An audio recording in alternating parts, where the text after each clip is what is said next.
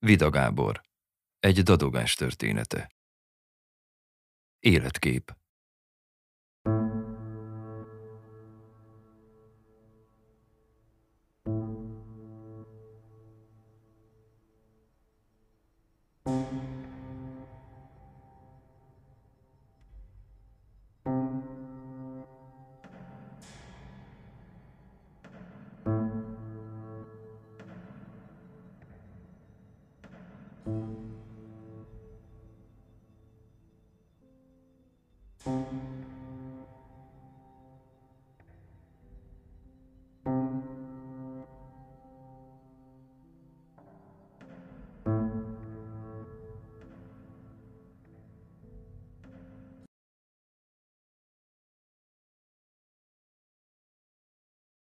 Devel nem kezdünk mondatot, nyilatkoztatta ki apám, én pedig azonnal rávágtam, hogy de.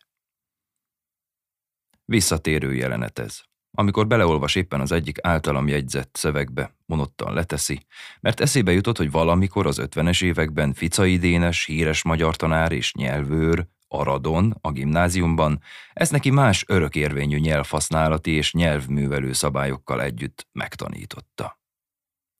Kötőszóval nem kezdünk mondatot. Ez lett volna az általános szabály. Nem tudom, honnan eredeztették a tudói, ki kezdte és miért.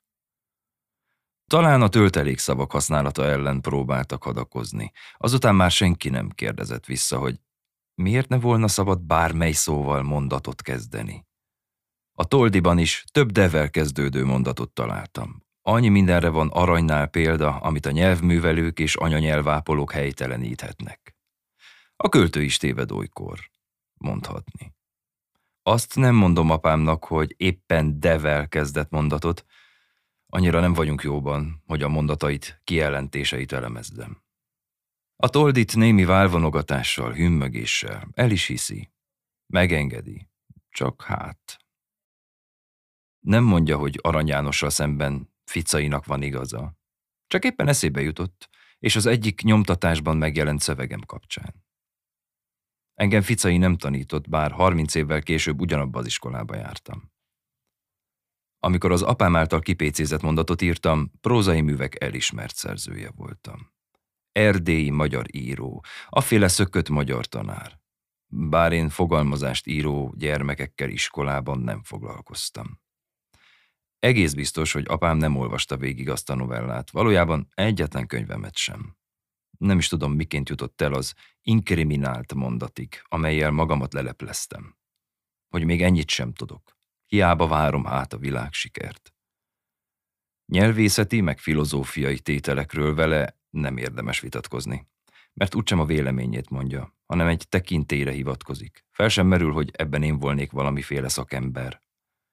Közben tudom, valószínűleg megint azt akarta közölni velem, hogy azon az irodalmi rendezvényen, amelyből két hosszú percet is bejátszott a tévé, viselhettem volna nyakkendőt.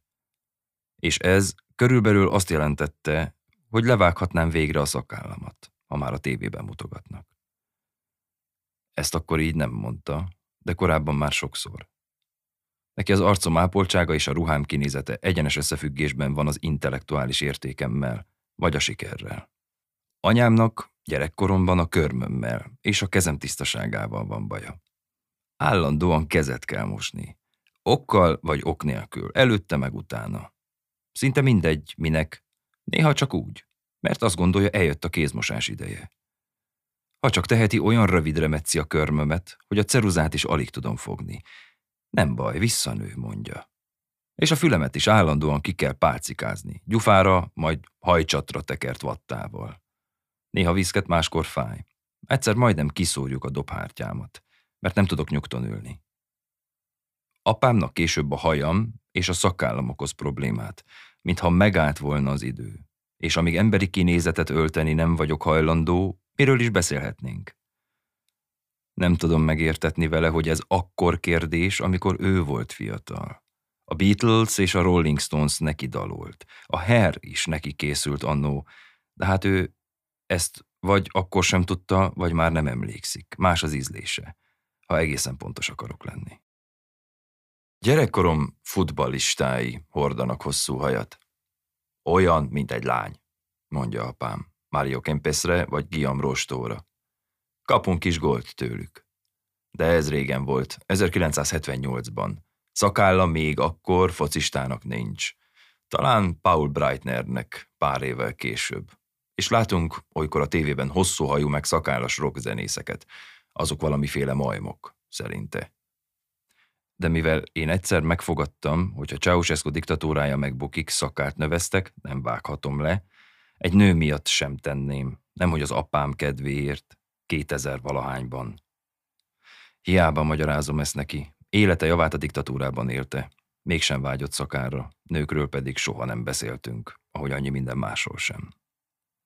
Azt pontosan tudom, hogy amikor középiskolás koromban egy rendőr az Aradi pályaudvaron egy szombat délben elküld borotválkozni, mert borostás vagyok, és megteheti, apám nem állt volna ki mellettem. Akkor sem, ha történetesen ott van a jelenetben.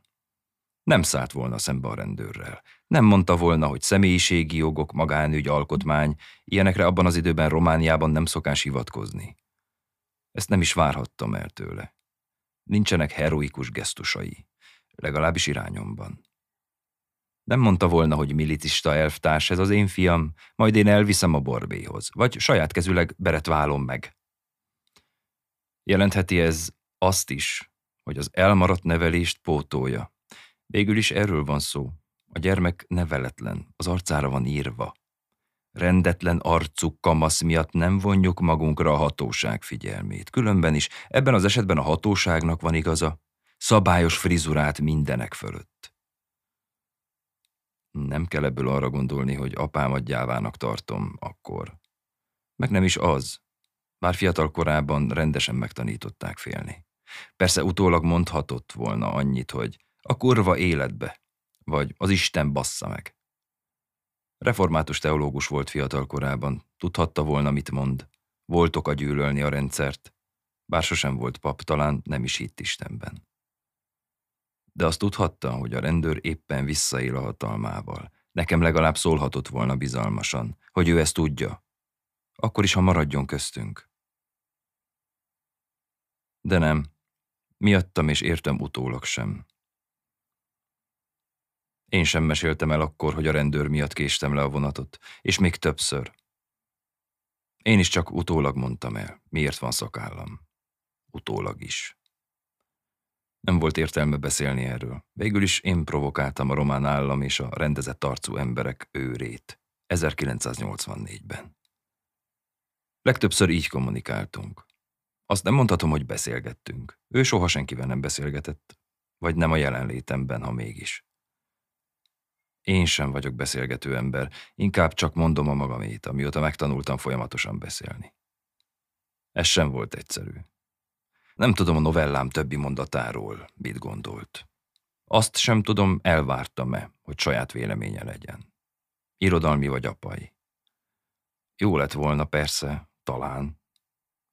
De az is lehet, örültem annak, hogy nincs. Legalábbis elfogadtam, mert apámnak látszólag semmiről nem volt saját véleménye. Csak többé-kevésbé pontos hivatkozásai. Meg lehet ezt szokni. Ha mégis véleménye volt, azt nem mondta. Utólag néha emlékeztetett, hogy tudta ő már ezt akkor. De hogy mikor és mit, azt sem mondta. Lesújtó volt az ítélete rendszerint. A szakállamról mindig is azt gondolta, mint a pályaudvari rendőr, akit azóta nyugdíjaztak, de az apám véleményét nem lehet már nyugdíjazni vagy visszavonni. Egy színpadon ülök Markó Béla mellett. Apám a tévében Románia miniszterelnök helyettesének a nyakkendőjét látja. Hogy milyen helyes az. Ennyit lát belőlem. Ennyit mond nekem, hogy látta. Lehettem 40 éves akkor, ha nem több. A Markó verseit nem olvasta, talán a beszédeit hallotta. Szintén a tévében. A szakállát sem látta, csak a nyakkendőjét, meg hogy tulajdonképpen ő a fejedelem. Ha már itt élünk, ha miattam ide kellett költöznie, Marosvásárhely mellé, Erdélybe, mert saját erőmből nem voltam képes lakást venni és biztos egzisztenciát alapítani. Pedig mi más a férfi dolga, mint hogy birtokot szerezzen, ha nincs neki, és nagyobb bicsa, ha már van. Tartsa el a családját. Valójában csak anyám akarta minden áron az Erdélybe költözésüket, amikor már senki rokon nem maradt kisjenőben, ahol addig éltek. Meg az is kiderült közben, hogy soha nem fogok oda visszamenni. Valamiben mégiscsak megkapaszkodtam itt, ahol vagyok. Anyám pedig eldöntötte, hogy annyi év után, lehet ez vagy harminc, az egyetlen fiát vissza akarja kapni minden áron. Ha költözni kell, ha újat alapítani, akkor is. Bonyolítja némileg a helyzetet, hogy apám súlyosan magyar. Nem is érti, hogy lehet valaki más. Egyáltalán mi az. A románokat, a németeket, a cigányokat úgy, ahogy érti. Az erdélyieket nem. A székelyekre meg csak legyint. Neki az történelem, vagy félreértés. A nehezen meghatározható valamikkel van apámnak baja. Ő azt szeretné, legyen egy szabályrendszer, és azt tartsuk be. Éljünk a szerint mindannyian. Egész életében Romániában élt. Sosem érezte vagy tartotta magát erdélyinek, bár volt kolozsvári egyetemista, és nem érti, miért mondják őt a 80-as évektől Gyulán erdélyinek a magyarok. Pedig ő ágyai vagy kisjenői, aradi a gyengébbek kedvéért. Ugyanazt a nyelvjárást beszéli, mint a határ túloldalán a magyarok. Bár a kiejtésén csiszolt az iskola meg az egyetem. Románul is úgy beszél azzal az akcentussal, mint a gyulai románok. Azt tanult a gyerekkorában. Akkor még az volt a környéken a román nyelv uralkodó tájszólása. Vagyis a helyzetet érti. Tudja, miért van ez. Miből állt elő. De mélyen sértőnek érzi. Annyira megalázónak, hogy nem is érdemes beszélni róla. Erdély pedig egy kiábrándító világa számára. Mint a legtöbb magyar turistának, miután lekopik a napszemüvegről a csillagösvénypora, és láttatni engedi magát a valóság. Anyám természetesen erdélyi, meg székely. Amikor a világ alakulásáról véleményt akar nyilvánítani, apám rendszerint felolvas pár mondatot az éppen kéznél levő napilapból. Ideges, ha nem találja azt, amit gondol, felháborító ez a rendetlenség. Anyám mindig mindent elpakol. Apám soha semmit.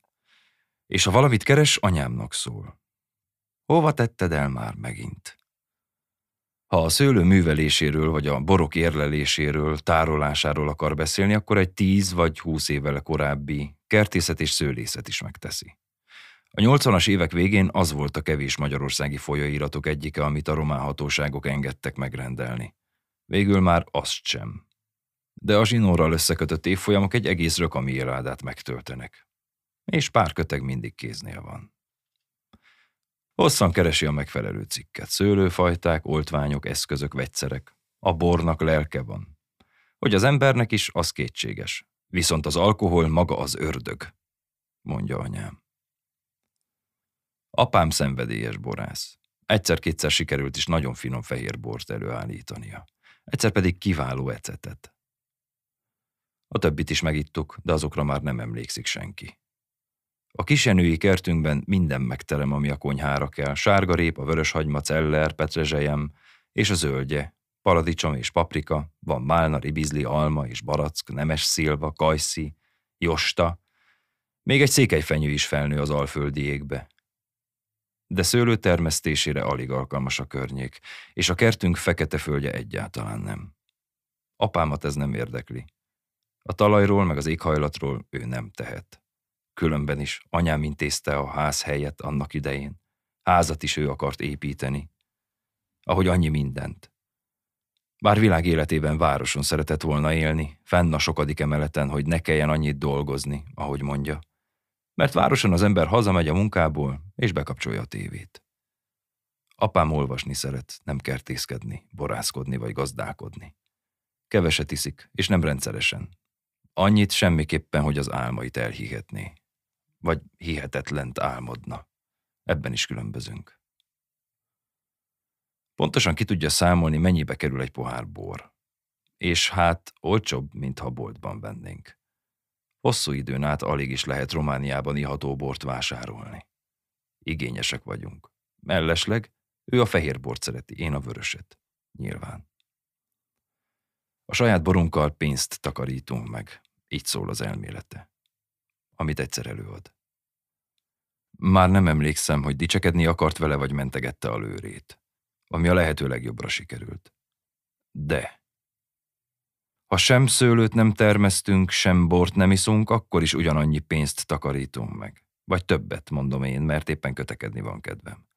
Anyám szerint a borért kár minden kapavágás. Ebben fundamentalista. Ahonnan ő származik, a Székelyföldnek abban a szegletében a szőlőt csak az irodalomból ismerik. Bár ez rossz májú túlzás. Viszont antialkoholista. Engem állandóan az italtól félt. Mint utólag kiderül, nem alaptalanul. De túl korán kezdi a féltést. Sokáig nem is értem, hogy miről szól ez a retorika.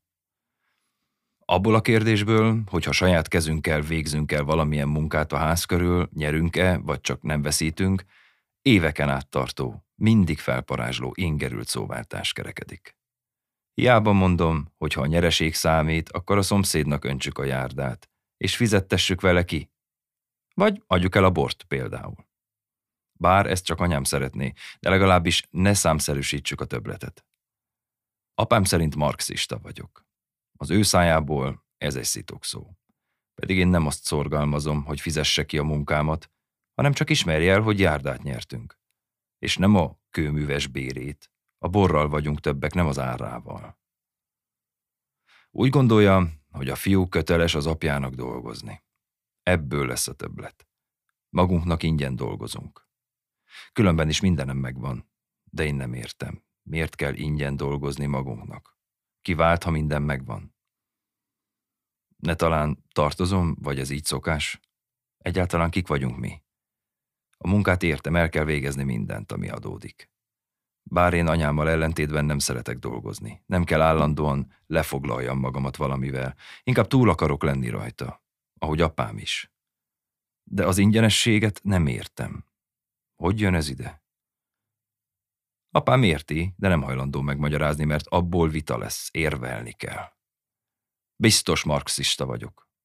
Utálom, ha dolgoztatnak. Főleg, ha közlik velem az ingyent. Anyám a falra tudna mászni ezektől a szóváltásoktól, neki a békesség a legfontosabb. És kerül mindig minden konfliktust, így tudja.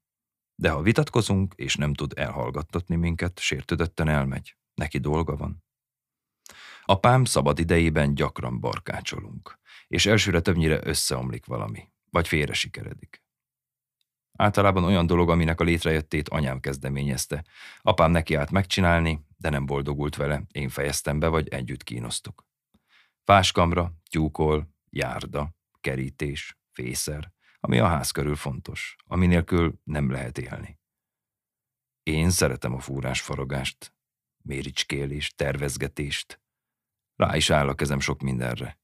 Ipari liceumba jártam, dolgoztam gyárban sokfélét. De én is csak félig meddig értek mindenhez. És nem szeretem, ha parancsolnak. Apám egy szeget sem tud rendesen beverni. Férfiak között ez és a megfutott menetű csavar olyan blamázs, mint focikapusnak a kötény. Irodában élte le az életét, eredetileg balkezes, de átszoktatták. Megzavarták ezzel a mozgás koordinációját. Viszont roppant igényes, olyan nincs, hogy valami jó legyen neki. Én ehhez mértem felületes vagyok. Úgy sem lesz az jó. Meg is szakadhatok bele. A takarékos volt a már-már fösvénység, eleve kár a felhasznált anyagért. A vas, a deszka, a szeg, a csavar, a cement, mind pénzbe kerül. Drága vagy nehéz beszerezni a szerszámaink. Az eszközeink is kezdetlegesek. Lehetőleg mindenből a legolcsóbb. De ha kettő van, a rosszabbikat használjuk. Apám valójában nem fösvény, és nem két balkezes, csak bizonytalan. Minden tettéről és szaváról kiderült már egyszer, hogy rossz, érvénytelen vagy azzá lehet. Az egész életünk egy barkácsolás. Olyan ízű pillanatok sorozata, mint amikor rájövök, hogy rossz helyen vágtam bele a deszkába. De már mindegy.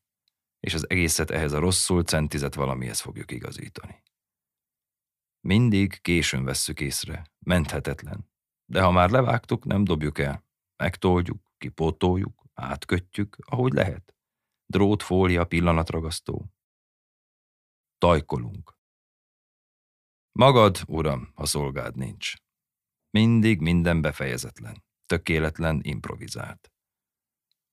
Áll apám a colstokkal, a fűrésszel, vagy a szintezővel, a szemüvegét igazgatja, és gondolkodik. Általában olyan, mint egy átnevelő táborból szabadult értelmiségi. Mindig hosszan kell mérlegelnie, hogy most mit szabad, mit kell és mit tilos. Leginkább a miérten gondolkodik, hogy miért kell neki Cheston sapkával a fején olyasmit produkálni, amihez nem ért, amiből úgyis kudarc lesz, idegesség, eltörik, hasad, görbül, szakad, ledől. Idő persze van rá. Hétvége, szabadság, hivatalos ünnep. Legfennebb unjuk, hogy lassan telik az idő. Hamarosan kezdődik egy foci meccs, de lehet kézilabda vagy jégkorong is, atlétika, siugrás, tehát sietni kell mégis. Mindjárt kész az ebéd, hiszen ez a legfontosabb. Tulajdonképpen azért van mindez, hogy ebédelhessünk. Anyám úgy tudja, egyetlen munka az, amit ő végez. Minden egyéb hobbi, időtöltés, de ha őt nem akadályozzuk, akkor jó. Bár ha segítenénk, az volna még jobb. Kétszer mérünk, egyszer vágunk, tartja a mondás. De mi háromszor mérünk, egyszer vágás előtt, kétszer utána. Hogy biztosak legyünk, tényleg elszabtuk megint. Az a jó, hogy gépeink nincsenek. Bár apám álmodozik és tervezget idővel beszerez egy cirkulát. De attól én félek. Tényleg életveszélyes. Nem csoda, hogy anyám leginkább annak örült, ha elhívhatott egy rátermet kollégát a műhelyből, vagy át egy szomszédot. Kerül, amibe kerül, és mi nem barkácsolunk. Nem veszélyeztetjük a testi épségünket. Nem megy kárba anyag, szerszám, nem vitatkozunk a miérten és a mikénten, ráadásul olyan az egész, mintha anyám intézte volna egyedül, mintha ő csinálta volna meg. Rendszerint olyankor ért rá a szakember, amikor apám nem volt otthon. Gyorsan dolgozott, olajozottan, drágán ne vagy olcsón, ma már nem érdekes. Apámnak örülnie kellett volna, hogy megint elkészült valami, de nem örült. Azonnal talált egy kifogást.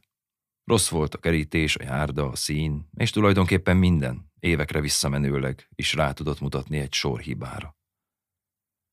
Hogy a szomszédasszonyok mit gondoltak közben arról, mi azt gondoltuk, hogy nem érdekes.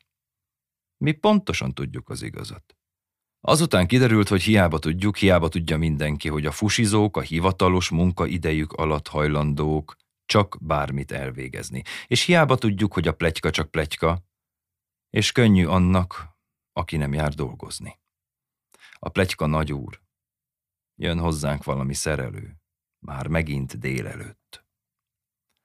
Anyám magát tekintette a családfőnek, bár ezt így sosem fogalmazta meg. Minden mindig úgy kellett legyen, ahogy ő akarta. Ez volt a természetes számára. Tulajdonképpen róla szól az egész. Bár ő úgy tudja, értünk tesz mindent. Ránk áldozza magát. Ha nem az van, amit ő akar, és ahogy ő akarja, előbb nyomatékosan szól, megismétli, ha nem engedelmeskedünk, elkezdi csinálni. Húzza, rángatja, csapkod. Anyám a lapáttal, ásóval, fejszével, kombinált fogóval, csőkulcsal mindennapos látvány. Kerítésoszlop, járda, fatuskó, gázpalack, anyám elnyűhetetlen. Azután rosszul fog lenni. A vége mindig epekrízis, olykor hetekig készül rá mert nem lehet mindig az, amit ő akar. Ha mi is egészen feláldoznánk magunkat ezért, akkor sem lehetne. Mégis az a legrosszabb, amikor ellenáll valaminek. Ilyenkor még a betegségen, a rosszul léten is túl tud lépni. Két hányás között kinéz, fel kell, intézkedik, amit ő ellenez, az biztosan nem lesz. Sosem szimulál. Teljesen átéli magát. Anyámnak életprogramja van, házi feladata, amit el kell végeznie. Ezt a feladatot végső soron a Jóisten adta neki, ahogy mindenkinek a sajátját. Az élet arról szól, hogy a feladatot teljesíteni kell, az életünk árán is. Áldozatot kell hozni. Az a baj, hogy én vagyok az anyám központi feladata, a kötelesség, amelyet teljesít, rendszerint ellenemre is. Mennyit kell harcoljak veletek? sóhajtja sokszor. A másik feladat nyilván az apám. Nem rest harcolni, ha másként nem megy. A bort is ő szeretné adagolni, de abból verbális húzavonák támadnak. Anyám szerint az alkohol méreg, apám szerint a bor egészséges. Ilyenkor sorolni kezdi pozitív élettani hatásait. Vitaminok, aminósavak, antioxidánsok, több száz azonosított, megnevezhető vegyület. Ezzel mindegyet értek, apám ebben szaktekintély. Az alkohol csak univerzális oldószer. Abban oldja fel az égi vegyész a sok hasznos anyagot. Ilyenkor szünetet tartunk.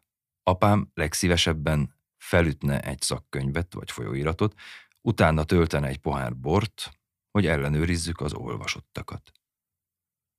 Anyám szerint egyetlen egészséges dolog van, mégpedig a szakadatlan munka. Mert egyre nehezebb a megélhetés, egyre hígabb a pénz, mert nincs aranyfedezete, tehát állandóan tevékenykedni és takarékoskodni kell, spórolni, amivel csak lehet. Előbb mindig a maradékot kell felhasználni. A száraz kenyeret megenni, a tavaly előtti dzsemet felbontani, mindig maradjon az ebédből holnapra, de lehetőleg holnap utánra is. Legyen étel, ahogy mondja. Mindegy mi az, mindegy milyen. Otthon a legrosszabb ruhában járunk. Semmit nem dobunk el. Minden jó lesz valamire. Néha még a szemétből is kimenti, amit én elhajítottam, legalábbis átvizsgálja. Akkurátus, indiszkrét, erőszakos. Hajcsár természete van, mondja magáról. És nem tudja senki, hogy ez a hajcsárság nem az ökrökről, tevékről, összvérekről szól, hanem a kollektivizálást végző elvtársakat nevezték hajcsároknak az ötvenes években a Székelyföldön. Mire nekiállnék elvégezni a kiosztott feladatot, ő már elvégezte, és szemrehányóan néz rám. Valójában azt szeretné, hogy csináljuk együtt. Irányítson, meg diktálja a ritmust. A végén megköszöni, hogy segítettem, akkor is, ha én végeztem el egyedül. Minden azért és azáltal történik nálunk, mert ő mondja. Az önállósodást nem veszi jó néven. Mindig bele kell szólnia mindenbe, akkor is, ha nem ért hozzá. Apámat is megelőzi, legkörözi, ha csak lehet. Mindegy, hogy kapálás, favágás, tűzrakás, bevásárlás, vagy éppen a tüzelő meg az építőanyag beszerzése, és az ügyintézésben útól érhetetlen. Mindig korábban kell. Hamarabb van talpon, gyorsabban jut eszébe, hogy mit kell csinálni. Apám engedi, ha neki ez a fontos csinálja. Anyám a férfi munkát szereti. Inkább zsákot hordan a reggeltől estig mondja. Mert nem szeret főzni. Nincs annak semmi látszatja. Enni sem szeret, állandó emésztési problémák gyötrik. Az evés is egy feladat. Meg az etetés. Mosogatni szeret. Mosni, vasalni, takarítani, mert annak, ha rövid ideig is, de látszik az eredménye. Rossz étkű gyermek voltam. Ez is mennyi vesződtség. És azután egy influenza miatt már nem érzi az ízeket, a szagokat rendesen. Vagyis a rozmaring, a kakukkfű, a majoránna, a szerecsendió szagát nem érzi. A mosogatószappanét, a benzint, a lakkot igen. Apám néha kitör ebből a rendszerből. Anyám is úgy tudja, hogy apám kellene legyen a családfő. De nem megy neki. A bor is ilyen kitörési kísérlet meg sokszor a barkácsolás, a gazdálkodás, de leginkább a betegség, amibe elvonul. Az anyám főnökségével nem is volna baj, mert pontos, határozott, energikus. Csak állandóan panaszkodik, hogy mindent neki kell csinálni, szervezni, és mennyire nehéz, keserves, kilátástalan, mindig egyedül van, mindenért ő a hibás, ha nem jön össze. Mert magunknak állandóan ingyen dolgozunk. És magunk ellen is mondom én magamnak gonoszul. Apám megjegyzi, olyan is az egész, mint amit anyád csinál. Nekem mondja ezt, sosem anyámnak. Nem is mondja, inkább suttogja, mintha befelé szívna a levegőt és legyint. Neki én is csak olyan vagyok, mint akit anyám intézett. Tudta ő már akkor, hogy nem lesz ebből semmi, de nem szólt bele. Ugyan minek? Anyám is nekem panaszkodik, hogy milyen nehéz az élet, mennyire boldogtalan. Messze rokonai vannak. Ezek itt idegenek. Ha nem úgy viselkedem, ahogy kell, én is ezek vagyok. Vida. Különben örül annak, hogy mindent megadott nekem, és minden áldozatot meghozott. Hogy legyen belőlem valami.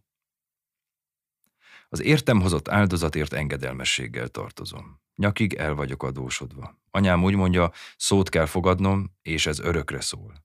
Mindenre vonatkozik. Nem csak beleszólhat az életembe, mert hogyne, elvégre jót akar, és pontosan tudja nekem mi a jó. De valamiféle hallgatólagos egyezmény is köttetett a születésemkor, hogy majd úgy fogok élni, ahogy kell, amire neveltek. Nekem is feladatom van, amit a jó Isten adott, és amit anyám közvetített. Ő ellenőrzi és kéri számon. Én viszont engedetlen vagyok, szófogadatlan. Ilyen a természetem, mondja. Ülök nyakkendő nélkül, és szakállasan, egy irodalmi rendezvényen, Markó Béla mellett. Ő nagy ember, én kicsi vagyok. Ő gazdag, én szegény. Ő a fejedelem, én csak egy író vagyok. Ezt mutatja a tévé a szüleimnek a kortás erdélyi magyar irodalomból de azért jó, hogy komoly és disztingvált emberek társaságában látnak. Meg is kérdezi apám egyszer, hogy ez az Eszterházi Péter rokonai annak a valamikori focistának.